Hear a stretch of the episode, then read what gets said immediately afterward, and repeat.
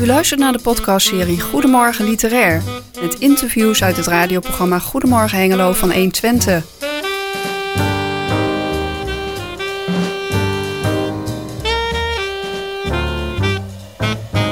In deze aflevering hoort u Jan Dirk en Chris in gesprek met Michelle Visser over haar historische roman De Vloek van Kasteel Vrijborg. Goedemorgen. Goedemorgen. Goedemorgen. Welkom, leuk dat je er bent. Ehm, ja, de vloek van kasteel Vrijborg. En ik zag al eventjes eh, toen ik er naar keek... het speelt zich af in de middeleeuwen, de late middeleeuwen. Ja, dat klopt. De Hanse tijd, zo noemen we dat tegenwoordig. Het was een periode in de late middeleeuwen inderdaad... eh, waarin veel veranderde, zoals in elke tijd. De burgerij kwam op. En eh, dat kwam met name ook door de handel die toen opkwam. Wereldwijd, de bekende wereld toen. En eh, ik dacht van dat vind ik een interessante periode om over te schrijven. Ja. De Hanse best- tijd horen ook die Hanse steden bij. Hè? Wat heb je? Kampen, Zwolle, ehm, nou nog een aantal. Zelfs Oldenzaal schijnt een Hanse stad te zijn geweest. Oh, nou, dat heb ik nooit geweten. Nee, ja, dat, dat zeggen mensen in Oldenzaal, die roepen dat altijd. Dus het zal ongetwijfeld waard zijn. Waar zijn. Ja. Ja, En de grotere Hanse steden had je bijvoorbeeld ook eh, Zutphen bijvoorbeeld nog, hè, langs de Mhm. IJssel. Ja, en, eh, maar echt, dat ging veel verder. Je had ook eh, in, eh, in Zweden en Noorwegen, in Rusland, wat, wat nu Rusland is, tot helemaal in Spanje en Italië. Dat waren allemaal Hanse steden. Want Hanse, dat was eigenlijk een woord. nou, zoals je nu bijvoorbeeld de Europese Unie hebt. Alleen toen was Hanse was gebaseerd op handeldrijvende steden, handeldrijvende ondernemers. En dat ging wereldwijd. Mhm. Ja, eigenlijk een, een internationaal eh, ja, handelsverbond van steden, heb ik er altijd van begrepen. Dat is het inderdaad, ja. Dat is een non verre voorloper van, inderdaad, van de Europese gemeenschap, als je het zo bekijkt. Grotendeels wel. Dat is natuurlijk politiek. En de Hanse was niet politiek, maar het was wel eh, heel bijzonder dat toen eh, al die contacten ontstonden tussen, eh, tussen mensen en landen en steden. Ja, en nou zag ik, jouw boek speelt zich in eh, Kampen en omgeving, Zwolle misschien ook wel. Ja, het- ik heb eigenlijk gekozen voor de driehoek van eh, Zwolle, Kampen en Deventer. Ja. En ehm, ja, daar speelt mijn verhaal zich af. Ja, En jouw hoofdpersoon hebben waarschijnlijk dan ook contacten met eh, allerlei eh, personen uit het buitenland. Eh, zoiets. Het is eigenlijk zo. ehm, het boek is eigenlijk het levensverhaal van een broer en een zus. eh Beatrice en Joris. En eh, eh, de wereld waarin zij leven, dus ook die Hanse steden, die zijn op de achtergrond. En in hun verhaallijnen krijg je mee hoe het leven toen was. oké. En, en hoe was het leven toen? Eh, gruwelijk. Ja, meteen maar een Goeie vervolgvraag. vraag trouwens. Ja, de middeleeuwen staan er wel onbekend, hè? Dat het wel een vrede tijd was Ja, enerzijds. ja, ja, het was een vredetijd. Een van mijn hoofdpersonen is ook een vrederidder. Ehm hun vader is dat. Ehm, maar het was gewoon een harde tijd. Mensen gingen vaak vroeg dood. Want er was natuurlijk amper geneeskunst of zo. De levensvoorzieningen waren natuurlijk veel lager. Heel veel mensen waren heel erg arm. Dus je had veel kindersterfte en dat soort zaken. Eh, dus in die zin was het een, een vrede tijd. Maar er gebeurde ook heel veel moois. Eh, zoals inderdaad die, die, die handel tussen die steden. Dat, waren, eh, dat was heel mooi. Doordat de handel werd gedreven, kon de gewone man, zeg maar, dus niet iemand die van adel was en niet iemand die in de geestelijkheid zat, die kon van het eerst geld verdienen en eh, welvaart opbouwen en ook iets van macht in die zin verwerven. En dat was echt nieuw. En dat was wel heel spannend. Ja, zeker zelfstandigheid ook, hè, voor de burgers. Ja, precies. Dat is ook eh, op dat moment begonnen de steden ook te groeien. Je had zeg maar al wel een soort van begin van de steden. Eh, bijvoorbeeld Utrecht, dat was de bisschopstad. Mhm. Eh, dat was ook de bisschop van deze streken, van hier in Twente zeg maar, en, en ook bij Kampen en dergelijke. En eh, als je dan zo'n bisschopspaleis had, daar groepeerden mensen zich omheen en dan kreeg je een soort stadje. Ehm, maar met die Hanse tijd ontstonden echt de handelssteden en kwam daar rijkdom en begonnen te groeien. Dus het was echt een heel belangrijke periode. Hmm. Ehm, nou heb je eh, meerdere boeken geschreven, historische romans. Eh, eentje vlak voor of in de Tweede Wereldoorlog, als ik het goed begreep. Eentje uit de 19e eeuw. Maar nou ga je echt een flink aantal jaren terug. eh, 1323 om precies te zijn. Ehm, ja, eh, waarom heb je dat eigenlijk gedaan? Ga, ga je straks eh, het volgende boek nog verder terug in de tijd? Nou, ik moet eerlijk zeggen, ik zou best wel iets over de prehistorie willen schrijven. Maar eh, het is heel lastig om daar zeg maar een uitgever voor te interesseren. Dus dat speelt ook wel mee. Ah, juist. Eh, maar eh, ik, ik liep eigenlijk al jaren met het idee om iets over deze periode te doen. Wat in dit boek ook, uh, de vloek van kasteel Vrijborg, ook voorkomt, is de eerste pestuitbraak. Dat was in 1350 ongeveer, was dat in onze contraien. En ik vond dat, dat, dat vind ik een heel interessante ja, periode ook. Ik ben, natuurlijk blij dat ik het niet zelf heb meegemaakt. Want uh, in die eerste pestuitbraak, uh, dat zeggen ze nu, is een schatting tussen een derde van de wereldbevolking en de helft van de wereldbevolking is toen doodgegaan in zeg maar twee, drie jaar. Dat is ontzettend veel. Dat is ongelooflijk veel. Dat is, dat is massief. De Europese bevolking, denk ik toch? Nee, van, want het kwam namelijk uit Azië. Oh ja? Ja, daar is het ontstaan, voor zover mensen nu weten. Ja? En het is eigenlijk dus ook inderdaad met die Hansen, met die kooplui, met die schepen, is dat eigenlijk naar Europa gekomen. In Europa kwam het binnen in, op Sicilië in 1347. En uh, er was toen inderdaad een, een, een schip. Uh, de bemanning was ziek, kwam wel aan boord. En zo heeft die ziekte zich daar verspreid. En die ging in de loop der jaren ging die steeds hoger.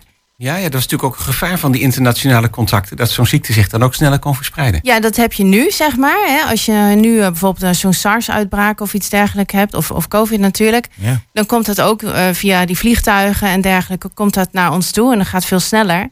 Maar toen had je eigenlijk hetzelfde mechanisme, alleen was het toen in, zeg maar, elk, el, elke zomer kwam het dan een stuk dichterbij. En nu is het, zeg maar, binnen een paar dagen. Mm -hmm. Maar het idee is, of, of hoe dat werkt, is eigenlijk hetzelfde. Ja, ja, daar komt het wel op neer, ja. Dat vind ik ook altijd heel erg leuk om bij het schrijven van historische romans, om die lijnen door te trekken van hoe verschillend het was, maar ook hoe, hoe het hetzelfde was toen Ja. en nu.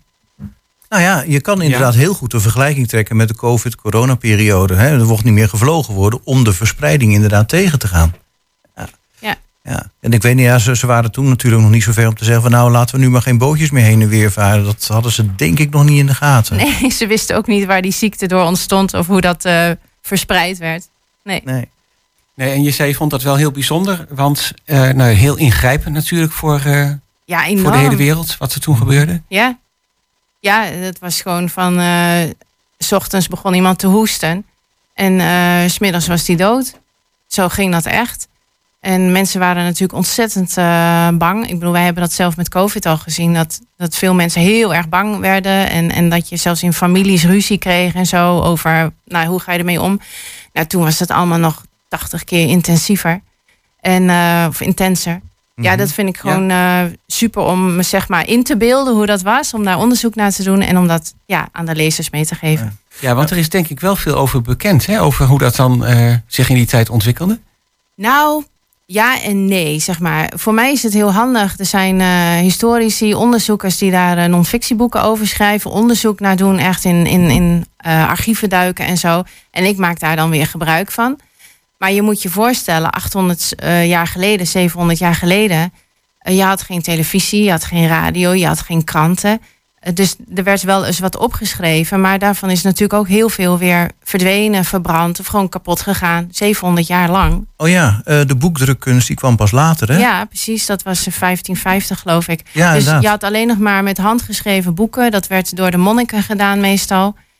En eh, bijvoorbeeld hoe mensen tegenwoordig dus die tellingen maken van hoeveel mensen zijn er nou eigenlijk overleden. Dat doen ze dan eigenlijk uit kerkarchieven. Dus bijvoorbeeld de- de kosters en dergelijke, of de pastoren, die hielden eh, boekhoudingen bij van bijvoorbeeld over de inkomsten. En dan was inkomsten was verbonden aan een begrafenis organiseren. En daar dan kunnen ze dan terugtellen nu van... oh ja, in dat jaar kwam er heel veel geld binnen. Dus er zijn er heel veel mensen overleden. Dus Ah, dat is echt op zo'n manier is dat... Ja, Ja, Dan is het geen eh, directe informatie. Dan is het echt zeker een puzzel die... En er eh, zit heel veel interpretatie bij ook. Dus Ja. je weet nooit zeker of het zo is gegaan natuurlijk. Het is altijd interpretatie. Ja. En dan al met al geeft het je toch een beeld van die tijd. En dat is dan echt de achtergrond in jouw verhaal. Ja, precies. Ja.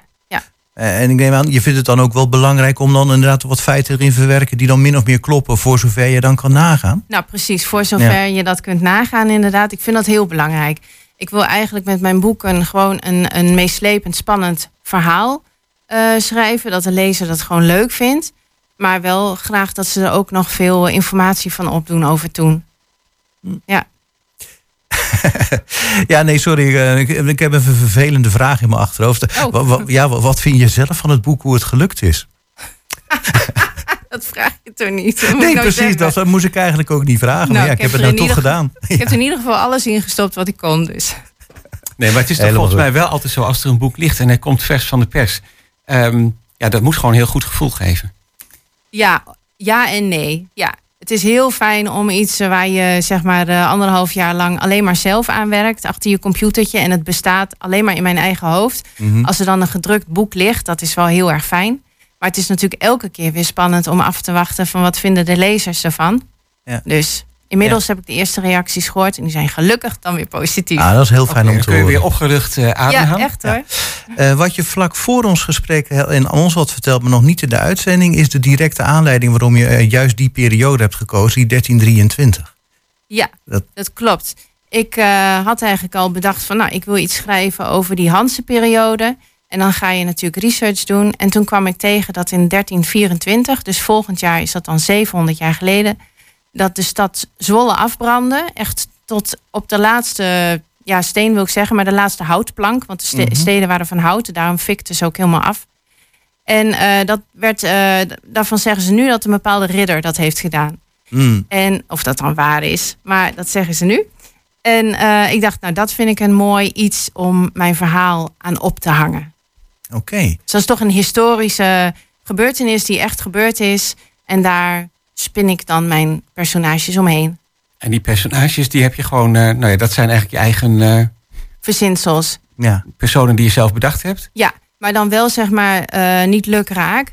Eh, ik vind het dan leuk, mijn personages die vertegenwoordigen als het ware de standen die je toen had. Dus je hebt de adel. Ah, En je hebt Ja. dan zo'n koopman. En je hebt hele arme mensen in de steden. En je hebt de kerk was heel belangrijk. Dus in die zin eh, krijg je door die personages dus een heel goed beeld van hoe de wereld toen werkte. ja. En je had dan nog een ridder met expansiedrift, toch? Ja, net zoals de rijke heren nu hebben we altijd meer geld, altijd meer macht. Dat Ja. was precies hetzelfde toen. Ja, je moet ook altijd een kwaaie pier in het verhaal hebben, Ja, toch? dat maakt het wel een beetje juicy.